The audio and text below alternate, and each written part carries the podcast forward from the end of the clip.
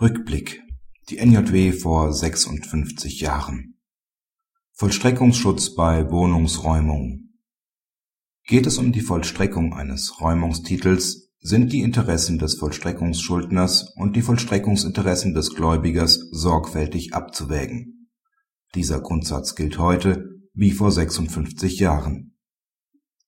In einem Rechtsstreit vor dem LG Darmstadt dokumentiert in Heft 47 der NJW von vor 56 Jahren, NJW 1953, Seite 1754, ging es um den Vollstreckungsschutz bei einem Räumungsvergleich.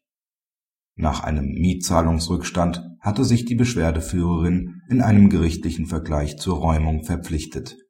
Sie wollte eine weitere Räumungsfrist zugebilligt bekommen und begehrte daher Vollstreckungsschutz das LG Darmstadt bewertete im konkreten Fall das Interesse der Beschwerdeführerin, noch drei Wochen in den Räumen zu wohnen, höher als das Interesse des Beschwerdegegners an einer sofortigen Freimachung der Räume.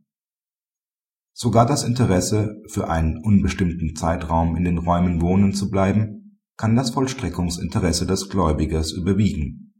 Dies stellt die Härtefallklausel in § 765a ZPO sicher Immer wieder beschäftigt den BGH die Auslegung dieser Härtefallklausel, so auch in einer in diesem Heft abgedruckten Entscheidung Seite 3440.